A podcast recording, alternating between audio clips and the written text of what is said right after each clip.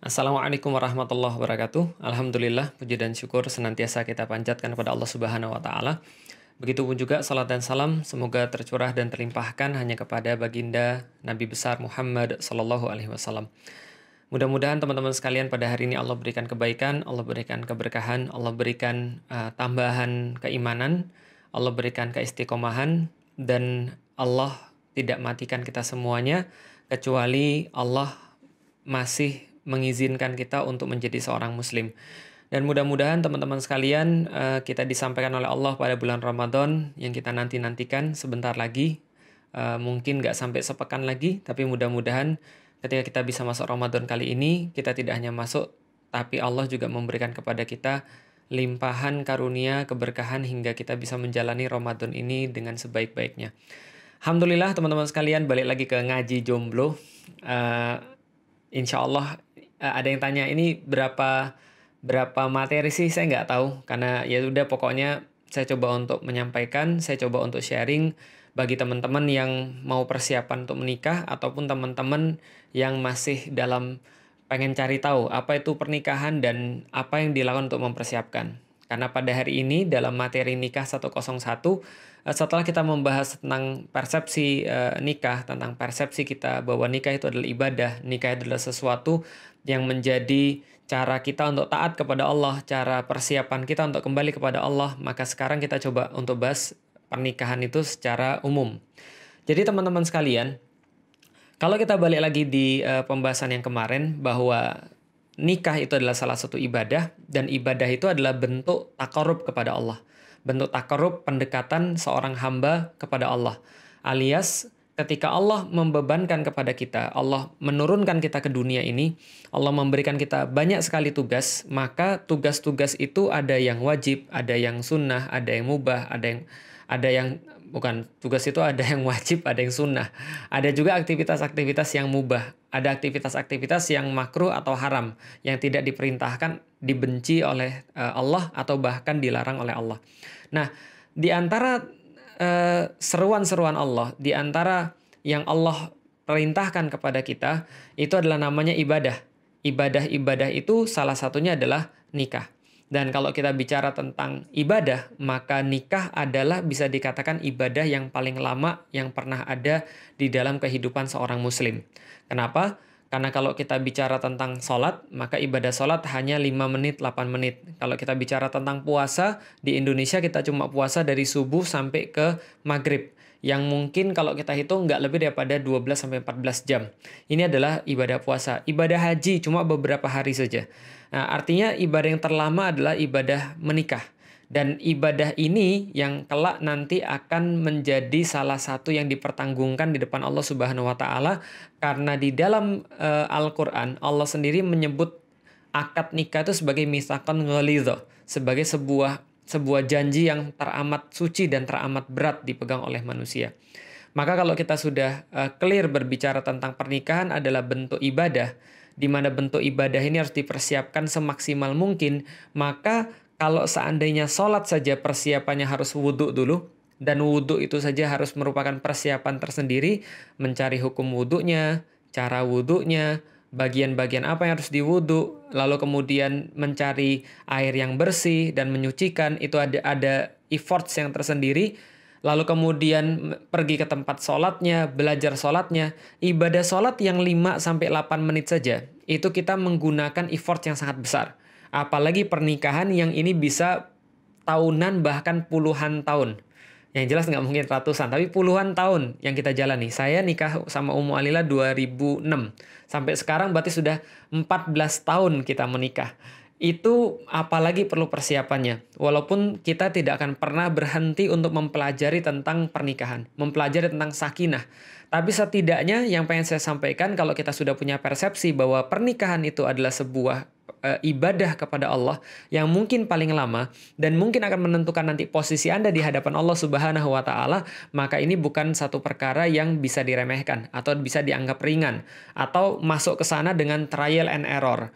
Dan ini yang kita tidak inginkan. Maka saat ini kita coba bicara tentang masalah pernikahan 101 yaitu adalah apa sih yang sebenarnya pernikahan itu? Saya coba akan mulai dengan satu ayat yang sudah sering teman-teman baca di dalam undangan-undangan. Uh, oh ya, sebelumnya saya pengen sampaikan, uh, makasih banget kepada teman-teman yang sudah mengoreksi. Saya juga pas pas udah selesai edit terus uh, ngelihat komentarnya saya baru sadar oh ya yang saya baca kemarin itu la tuharik bihi lisana kalita aja lebih inna alaina jam'ahu wa qur'anah dan seterusnya itu ada dalam surat al-qiyamah bukan dalam surat al-fajr. Saya juga bingung kenapa saya jadi ngomong al-fajr gitu kan ya? Uh, itu ya terima kasih banget pada yang sudah ngoreksi. Itulah pentingnya teman-teman yang nonton dan ngoreksi karena saya pasti ada salahnya keselip lidah dan segala macam. Oke balik uh, balik lagi kepada pembahasan nikah 101 uh, kita sering kali mendengar atau membaca satu ayat. Wa min ayatihi an khalaqalakum min anfus, min anfusikum azwajan litaskunu ilaiha. Jadi uh, Allah katakan di dalam penggalan ayat yang saya baca tadi dan sebagian daripada ayat-ayatnya dalam surat Ar-Rum wa min ayatihi an khalaqalakum bahwasanya dia telah menciptakan kalian semuanya min anfusikum daripada jenis-jenis kalian azwajan uh, aswajan itu bisa diartikan pasangan, bisa diartikan istri, bisa diartikan pelengkap, bisa diartikan segala sesuatu yang lain yang melengkapi. Litas kunu ilaiha. Saya berhentiin dulu sampai di sana karena ayat ini menandakan bahwa segala sesuatu yang Allah sampaikan daripada tanda-tanda keberadaan Allah yang bisa dirasakan oleh manusia adalah ketika manusia itu Allah berikan sebuah uh, sebuah pelengkap atas kehidupan mereka. Azwajan. Untuk apa? Satu-satunya fungsi azwaj satu-satunya fungsi, fungsi pasangan-pasangan itu adalah untuk menjadikan dia litas kunu ilaiha untuk menjadikan dia sakinah. Nah sebelum saya bahas uh, lanjutan ayatnya kita coba bahas dulu tentang azwaj tentang pasangan. Jadi gini sekalian. Kalau kita bicara tentang manusia tentang ciptaan Allah Allah sampaikan bahwa segala satu ciptaan Allah itu punya pasangan karena satu-satunya yang tidak punya pasangan adalah Allah. Allah tidak perlu pasangan, lam yalid wa lam yulad, sehingga dia tidak perlu beranak dan dia tidak perlu diperanakkan karena Allah tunggal, Allah itu ahad. Maka ketika Allah itu ahad, walam yakul lahu kufuwan ahad, tidak ada yang sekufu dengannya, maka dia tidak perlu pasangan. Dia tidak perlu kemudian uh, apa namanya ya, pelengkap. Dia tidak perlu sesuatu yang lain gitu kan ya. Sesuatu yang membuat dia menjadi utuh itu tidak perlu. Maka ini konsep azwaj. Ketika Allah mengatakan bahwa uh, min anfusikum azwajan Allah menciptakan dari golongan kalian sendiri pasangan pasangan-pasangan kalian berarti Allah mengatakan bahwa semua manusia itu pada dasarnya tidak lengkap sebelum dia punya azwaj sebelum dia punya pasangan. Maka ketika dia sudah punya pasangan pasangan itu melengkapi dia. Arti melengkapi berarti yang lain itu punya sesuatu yang tidak dia miliki. Paham ya? Jadi itulah yang kemudian menjadi satu sebab kenapa kalau kita menikah itu tidak harus menikah dengan yang sama dengan kita. Kenapa kalau yang sama itu melengkapinya di mana? Saya misalnya, saya tahu kekurangan saya. Saya tahu apa yang saya tidak miliki. Itu yang saya cari pada istri saya. Saya tahu saya terburu-buru dalam sesuatu. Saya tahu bahwa saya sering kali tidak sabar dalam sesuatu. Maka saya cari seorang pasangan yang bisa melengkapi saya. Yang sabar, yang penuh dengan perhitungan, yang kadang-kadang bagi kita sebuah masalah. Tapi sebenarnya bukan sebuah masalah. Kenapa? Karena dia melengkapi apa yang menjadi kekurangan kita. Saya misalnya, saya adalah orang yang sering kali kalau sudah ngelihat orang merasa kasihan saya punya istri sekarang, dia kadang-kadang bisa berpikir lebih banyak. Abi, ya kita boleh sih kasihan sama orang, tapi apa harus dengan cara seperti itu? Maka saya punya pertimbangan yang lain. Ini adalah sebuah sebab kenapa kita itu nikah tidak harus dalam tanda kutip sama. Sekufu itu penting, tapi sama itu tidak penting. Kenapa? Karena justru yang dimaksud dengan azwaj adalah konsep melengkapi apa yang tidak ada pada kita. Pelengkap, sesuatu yang membuat kita menjadi utuh Makanya Rasulullah Shallallahu Alaihi Wasallam itu kemudian menyampaikan kepada kita menikah itu adalah melengkapi sebagian daripada agama. Jadi ketika ada orang yang fakih dalam agamanya, ada orang yang faham dalam agamanya, agamanya belumlah utuh, agamanya belumlah sempurna sebelum dia menyempurnakannya dengan pernikahan. Maka pernikahan ini adalah sesuatu ibadah yang menyempurnakan seorang manusia, menjadikan manusia itu utuh dalam penyembahannya kepada Allah. Kenapa bisa begitu? Karena Allah melengkapi manusia sifat-sifat yang sangat mulia, sifat-sifat yang sangat keren. Allah menaruh sebagian daripada rahmahnya kepada manusia sehingga manusia itu punya rasa kasih sayang. Manusia itu harus harus memberikan rasa kasih sayangnya kepada manusia yang lain. Maka Allah sampaikan di dalam Al-Qur'an termasuk fitrah manusia adalah kasih sayang itu yang harus dia lampiaskan, yang harus dia berikan pada orang yang lain. Uh, apa namanya zuyyina linnasi hubus syahawati minan nisa wal banin wal qanatiril muqantarati minadz dzahabi wal fiddah dan seterusnya. Allah sampaikan dihiaskan pada manusia. Ketika Allah menciptakan manusia, Allah berikan kepada dia ruh, Allah sampaikan pada dia keseimbangan dalam dirinya, kemudian Allah berikan sifat-sifat ilahiyah di dalam diri manusia itu, maka Allah kemudian sampaikan pada pada mereka juga salah satu sifat-sifat Allah yang diberikan pada manusia adalah rasa cinta rahmah karena Allah adalah Ar-Rahman Ar-Rahim. Allah yang Maha Pengasih, Allah yang Maha Penyayang. Maka termasuk bagian pada itu adalah Allah menghiaskan kepada manusia hubbus syahwat, rasa cinta, rasa senang, rasa kasih sayang terhadap siapa? Terhadap nisa. Daripada perempuan-perempuan kalau bagi laki-laki. Kalau bagi laki-laki ya berarti kepada perempuan. Selain itu mereka juga punya rasa kasih sayang pada anak-anak mereka ngelihat anak-anak itu seneng, mereka lihat anak-anak itu sayang, mereka lihat orang tua itu kemudian happy, mereka lihat orang tua pengen melindungi. Ini semua adalah rasa-rasa yang diberikan oleh Allah. Dan bagaimana cara mereka untuk bisa menyayangi seorang perempuan? Bagaimana cara mereka untuk bisa menyayangi atau mempunyai anak? Maka Allah telah mengatur dalam ikatan pernikahan.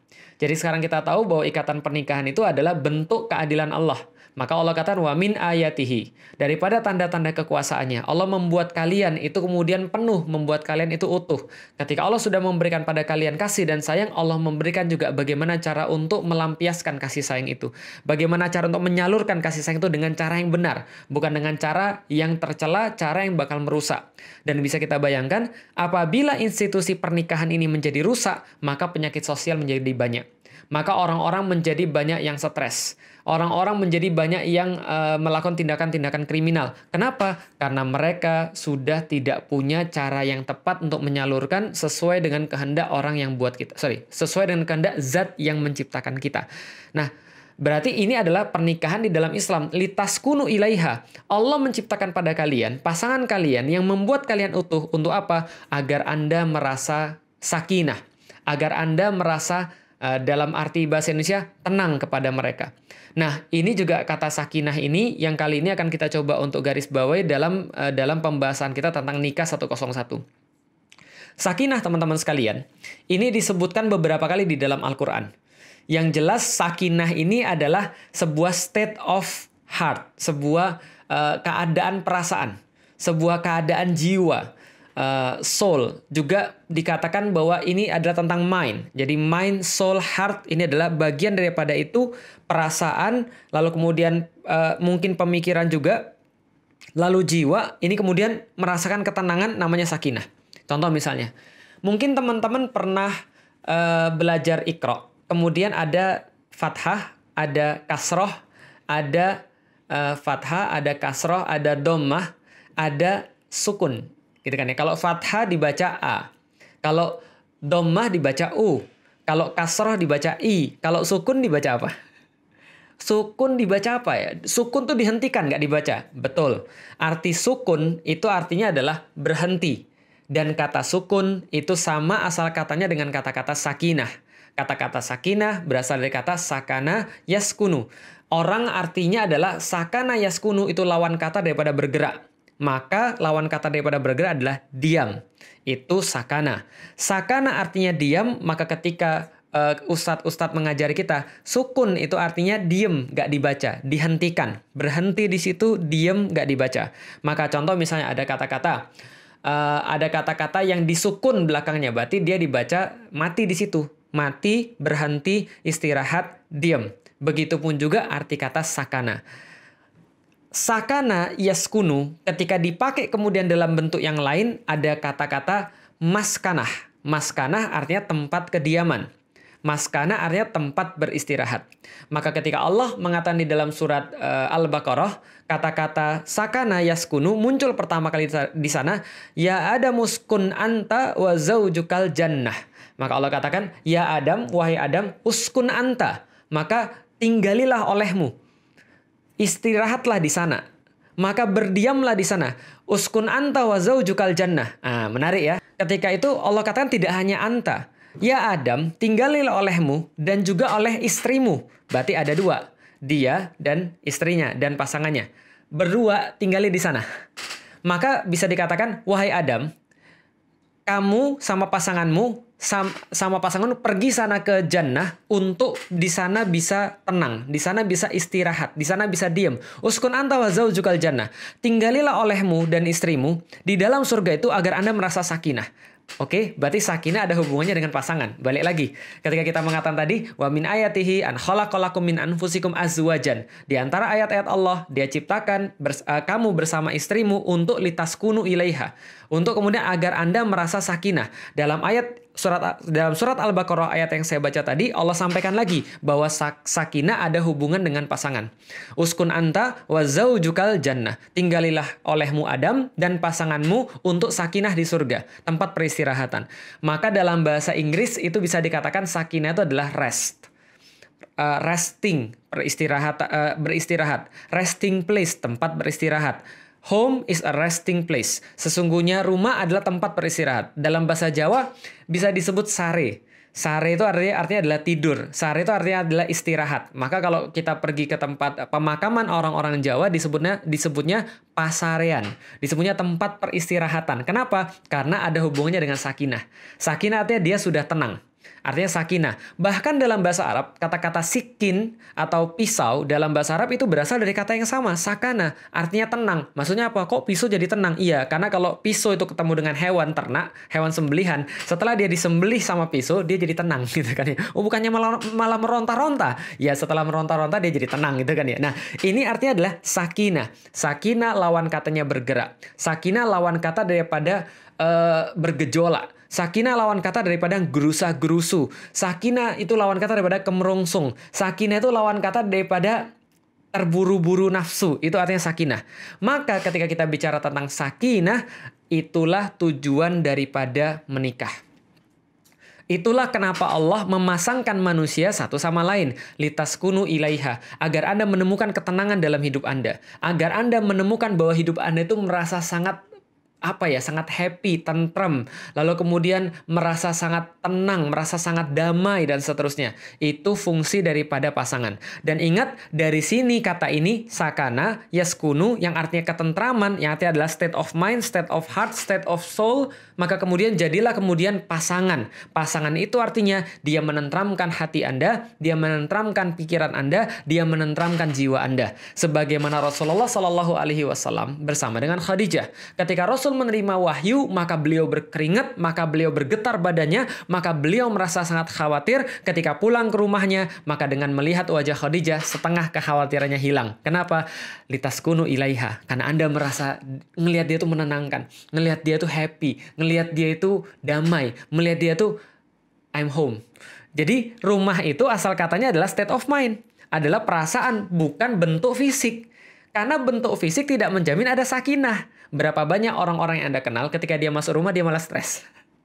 Ketika dia masuk rumah dia malah deg-degan.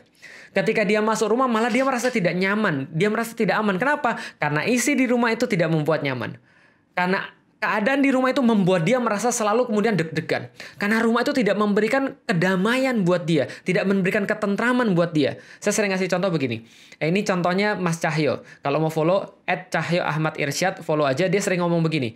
Tahu nggak kenapa orang-orang uh, kalau orang zaman dulu kayak Rasulullah ngelihat Khadijah tenang. Kalau orang zaman sekarang ngelihat istrinya gimana? Oh, coba lihat. Orang zaman sekarang tuh kalau misalnya istrinya selalu dipajang di uh, apa wallpaper HP-nya. Kenapa? Temennya lihat, Lalu temannya nanya, Mas, itu istrimu ya? Iya, Alhamdulillah. Kok dipajang di uh, wallpaper? Supaya dilihat terus? Iya, Alhamdulillah. Kenapa Mas supaya dilihat terus? Iya, saya tuh kalau ada beban-beban dalam kehidupan. Lalu kemudian saya banyak beban dalam pekerjaan. Lalu kemudian saya lihat wajah dia. Mendadak seluruh beban-beban saya hilang. Wah luar biasa, berarti istri ini keren. Bukan, karena ketika saya melihat dia, inilah beban saya yang paling berat. Saya jadi keinget, sehingga saya yang lain beban-bebannya jadi gak, kelihat, gak kelihatan dan gak terasa gitu kan ya. Jadi kalau seandainya ada istri-istri dipajang pada zaman sekarang, itu cuma untuk mengurangi beban yang lain. Karena inilah beban terberat. Itu yang membuat orang jadi tidak nyaman di rumah. Itu yang membuat suami jadi tidak tidak merasa enak di rumah. Nanti kita akan bahas tentang yang lain, tapi kita akan coba ambil contoh. Misal, Bagaimana mungkin seorang suami merasa merasa nyaman di rumah apabila dia menemukan cewek-cewek yang lain di luar lebih bagus daripada istrinya di rumah? Bukan lebih bagus secara fisik, bukan. Secara fisik kita sudah bahas kemarin dan nanti kita akan bahas lagi. Tapi coba bayangkan, kadang-kadang cewek ini kan sering gak adil. Kenapa? Karena cewek-cewek itu sering kali dia pergi keluar memakai pakaian yang terbaik, Dia beli baju yang paling bagus itu untuk dipakai keluar, tapi yang sudah lama untuk dipakai ke dalam. Ketika di rumah dia pakai daster terus gitu kan ya. Lalu kemudian dasternya dari zaman kuliah nggak pernah diganti-ganti. Lalu kemudian habis goreng ikan asin sehingga kemudian ketika suaminya datang, sat gitu langsung dia bilang saya lebih baik di luar deh lah kenapa karena pandangan-pandangan di luar kayaknya lebih bagus daripada pemandangan di dalam gitu kan Loh, ini masalah sakinah. Sakinah itu adalah segala sesuatu yang bersifat perasaan, bukan rumahnya itu sendiri, bukan fisiknya itu sendiri, tapi yang dimaksud dengan litas kunu ilaiha agar kalian menemukan rumah dalam istri-istri kalian. Asik. Istrinya itulah rumah yang sebenarnya. Istrinya itu yang buat itu jadi rumah. Istrinya itulah pasangannya itulah yang membuat feel like home. Saya sorry ya, mungkin saya agak sedikit kekanak-kanaan, tapi saya selalu merasa sangat nggak tenang ketika saya masuk ke rumah lalu nggak ada istri saya. Maka saya sangat sangat strict soalan itu. Sebelum saya pulang ke rumah, walaupun saya sudah bilang, dek nanti Abi pulang uh, jam segini. Uh, nanti Abi pulang nanti eh, kira-kira jam segini. Untuk apa? Supaya dia bisa siap-siap di rumah. Bukan untuk apa-apa, karena kehadirannya aja itu cukup membuat saya untuk feel like home. Saya pulang. Maksudnya saya pulang itu adalah saya balik kepada dia. Tapi ketika saya pulang nggak ada dia itu tiba-tiba saya jadi stres dan saya langsung kayak mau marah. Lah kenapa? Karena saya nggak merasa ada ada di ada di rumah kalau nggak ada dia. Maka kadang-kadang istri saya bilang, Abi kalau saya di luar nggak kelihatannya gaya banget ngisi kayak kayak apa namanya paling hebat, nggak paling kuat, paling uh, paling apa namanya paling tangkas. Tapi begitu pulang ke rumah kamu kok jadi kayak uh, tiba-tiba langsung guling-gulingan, lalu kemudian langsung males-malesan. Saya bilang iya karena saya feel like home. Saya merasa di rumah dan ketika di rumah kita bisa melakukan apa pun yang kita nggak bisa lakukan di luar. Bahkan nggak bisa kita lakukan ketika di hotel berbintang. Bahkan nggak bisa kita lakukan di tempat-tempat yang mewah. Anda diundang ke taruhlah misalnya taruhlah tempat yang mewah. Taruhlah misalnya contoh, diundang kepada uh, taruhlah gini, Anda diundang ke istana raja. Anda diundang ke istana raja, di situ pualam semua. Di situ tempatnya paling bagus, di situ semuanya paling indah. Tapi Anda berani nggak kentut di situ? kan gak enak. Lah kenapa? Itu bukan rumah kita. Tapi di rumah kita kita bisa berbuat apa pun. Kita karena kita merasa tenang. Dan ketenangan itu yang menjadi sangat penting.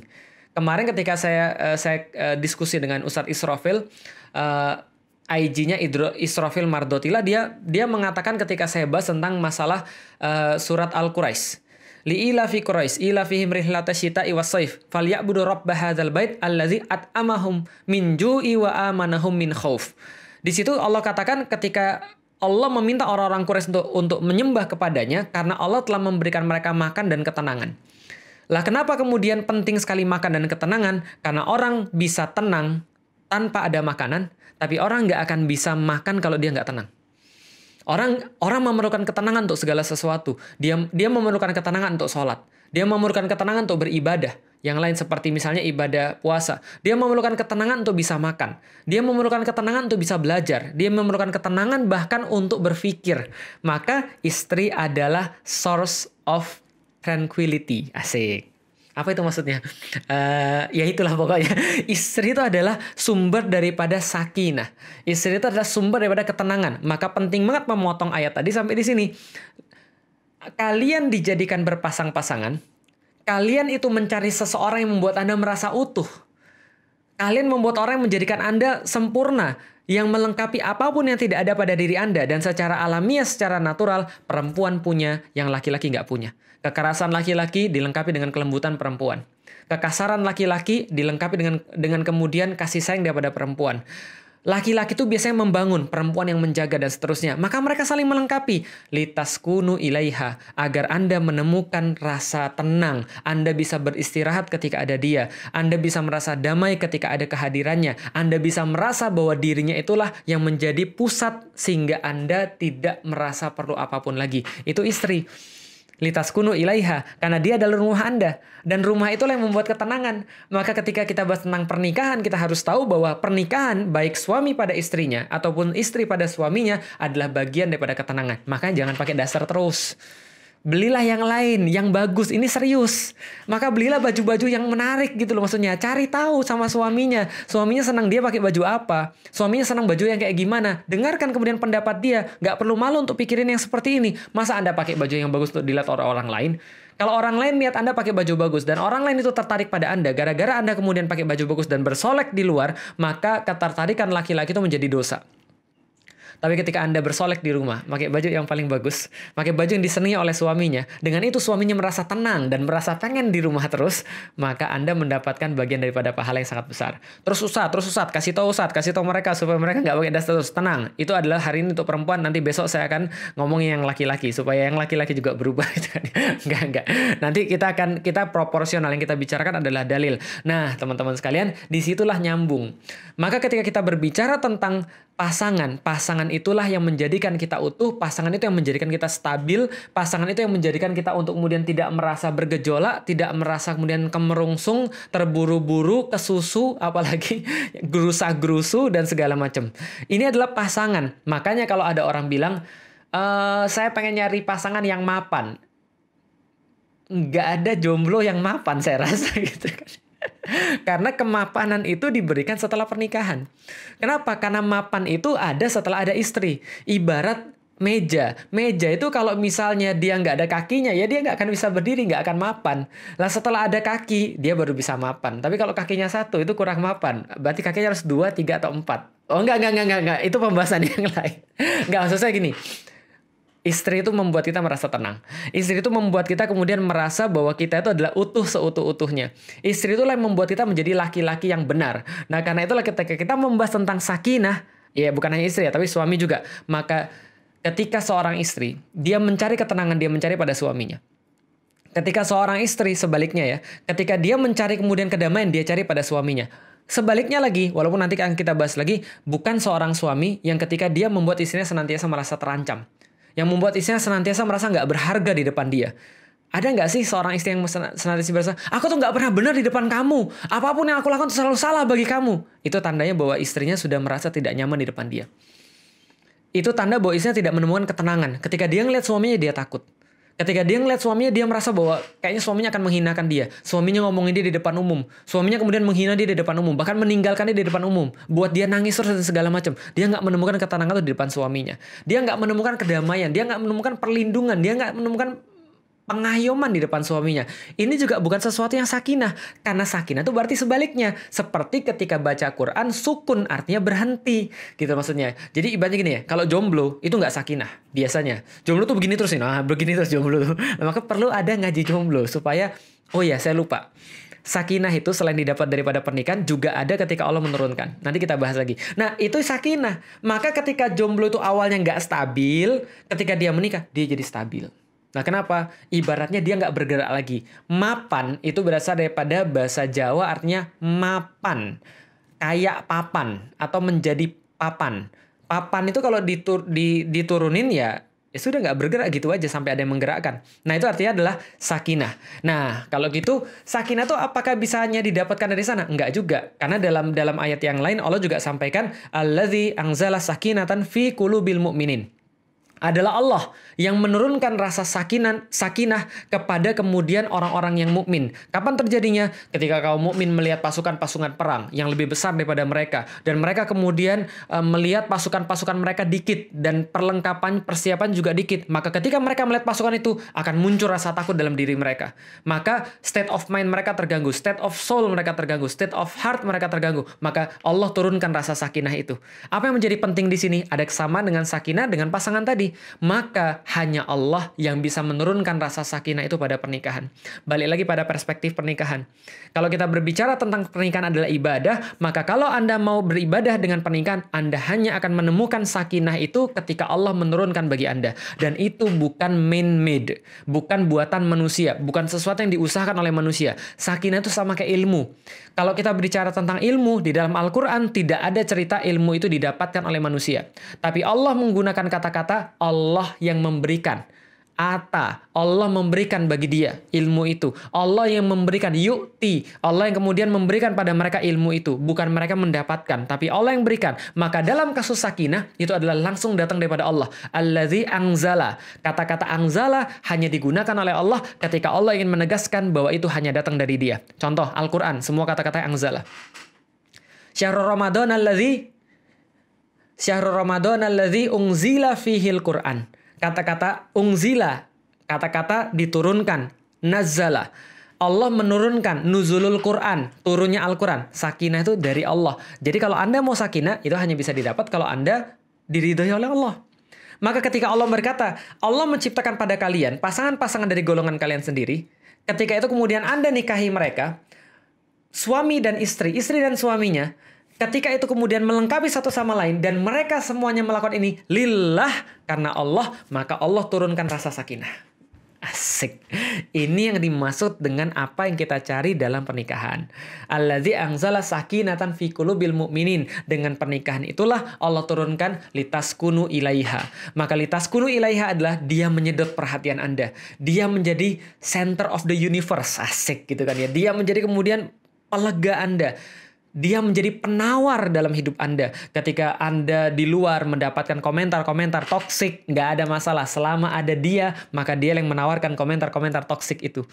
Maka teman-teman sekalian, itulah seorang pasangan. Maka wajar ketika seseorang sudah merasa bahwa istrinya adalah sakinah, dia tidak memerlukan lagi yang lain. Dan dia tidak akan takut pasangannya itu ketika pasangannya pergi keluar, lalu kemudian bakal berbuat segala sesuatu yang mungkin tidak tidak dia inginkan. Kenapa? Karena dia tahu ketika Allah sudah memberikan dia sakinah, maka dia akan terjamin. Maka dia tidak akan pernah tertarik dengan yang lain dalam tanda kutip untuk kemudian mencederai pernikahannya dia. Mungkin dia tertarik dengan wanita yang lain, tapi dia tidak akan melakukan segala sesuatu yang bisa mencederai pernikahan dia. Gimana cara dia mencederai, eh, mencederai pernikahan? Ya contoh misalnya dengan selingkuh, dengan berbuat sesuatu yang kontraproduktif dan segala macamnya. Kenapa? Karena Allah sudah menurunkan rasa sakinah. Maka wajar ketika seorang laki-laki yang sudah sakinah sama istrinya dia bilang, tenang dek, kenapa kamu tidak perlu peduli dengan gelapnya malam? Kenapa? Semakin gelap malam itu, maka engkau akan bersinar semakin terang karena engkau seperti bintang bagiku. Asik. Gak usah dicatat gitu kan ya. Nah, terus kemudian dia bilang, tapi ketika di siang hari, terus gimana mas? Kalau di siang hari, kamu seperti matahari. Biar bintang-bintang yang lain gemerlap, tapi ketika engkau datang, semua bintang-bintang sudah tidak terlihat. Kenapa? Karena kamu begitu tenang, uh, terang. Wih, emang wajah saya bercahaya? Oh iya, kan ada lampu. enggak, enggak, itu gak usah dicatat juga. Artinya, enggak, saya pengen ngasih tahu adalah, ketika Anda sudah diberikan oleh Allah sakinah, maka itulah yang menjadi modal pernikahan Anda yang paling luar biasa. Itulah yang menjadi modal pernikahan Anda yang paling bagus. Maka ketika kita berbicara tentang nikah 101 sekarang, Anda perlu tahu, Anda menikah, ada sesuatu yang Anda cari. Apa yang Anda cari? Ketika Anda beribadah pada Allah, Allah akan memberikan pada Anda sakinah. Maka di dunia Anda dapat sakinah, di sisi Allah Anda dapat ketaatan Anda akan mendatangkan pada pada Anda balasan-balasan yang seharusnya. Jaza amirabbika atau anhisaba. Balasan yang datang daripada Allah dengan tidak pernah dihitung oleh Allah Subhanahu wa taala. Makanya karena itulah nikah menjadi ibadah yang sangat penting. Makanya jangan dibayangkan hanya nikah itu yang kayak gitu-gitunya dulu. Yang yang romantis-romantis ya seperti saya bahas kemarin perspektifnya itu. Tapi ketika kita membahas tentang nikah, kita bahas dulu bagaimana Allah tuh menempatkan manusia, lalu memberikan manusia itu kemudian kesempatan-kesempatan bagi dia untuk sakinah, lalu kemudian bagaimana kesempatan itu di, bisa direalisasikan, salah satunya dengan pernikahan. Gitu ya teman-teman sekalian, ini pembahasan kita pada hari ini insya Allah. Nanti seperti biasa, dari tadi sudah direkam, walaupun mohon maaf dari tadi berkali-kali putus selalu nyambung putus selalu nyambung tapi itulah namanya uh, dunia masih di dunia kadang putus kadang nyambung gitu kan ya. Jangan diartikan dengan yang lain. Uh, insya Allah kita akan ketemu lagi besok kalau Allah mengizinkan. Kita bahas dengan pembahasan yang lain. Mungkin masih melanjutkan tentang nikah 101 ini. Dan mudah-mudahan teman-teman mendapatkan manfaat. Kalau seandainya teman-teman uh, apa namanya mau untuk uh, memberikan usulan apa yang mau dibahas boleh komen di YouTube. Uh, dan juga teman-teman boleh untuk apa namanya mengusulkan dan menanyakan. Saya mungkin nggak bisa jawab semua di YouTube, tapi insya Allah saya akan baca dan saya akan respon mudah-mudahan. Uh, sebagai pemberitahuan hari ini, hari Ahad tanggal 19 uh, 19 April 2020 di malam ini at hijab alila at hijab alila akan ngadain live bareng dengan uh, Kak Bella at Bella Mahfur. Nanti uh, ditonton, itu menarik banget bagi ciwi-ciwi. Uh, jadi ini kayaknya waktunya ciwi-ciwi. Kemarin yuk ngaji ciwi-ciwinya, lalu kemudian sekarang nanti uh, hijab alila dengan Kak Bella nanti akan membahas tentang uh, dunia kewanitaan. Kalau teman-teman mau, boleh follow at hijab alila, nanti di situ akan di live. Gitu teman-teman sekalian, kalau ada yang salah saya mohon maaf. Kalau ada yang baik hanya berasal daripada Allah Subhanahu Wa Taala dan senantiasa mudah-mudahan Allah membimbing lisan kita untuk senantiasa berkata yang baik. Andai kan ada sesuatu yang silap, ada andai kan ada sesuatu yang salah yang kita sampaikan, mudah-mudahan Allah mengampuni uh, kita dan Allah memaafkan kita dan manusia memaklumi kita. Assalamualaikum warahmatullahi wabarakatuh. Dah.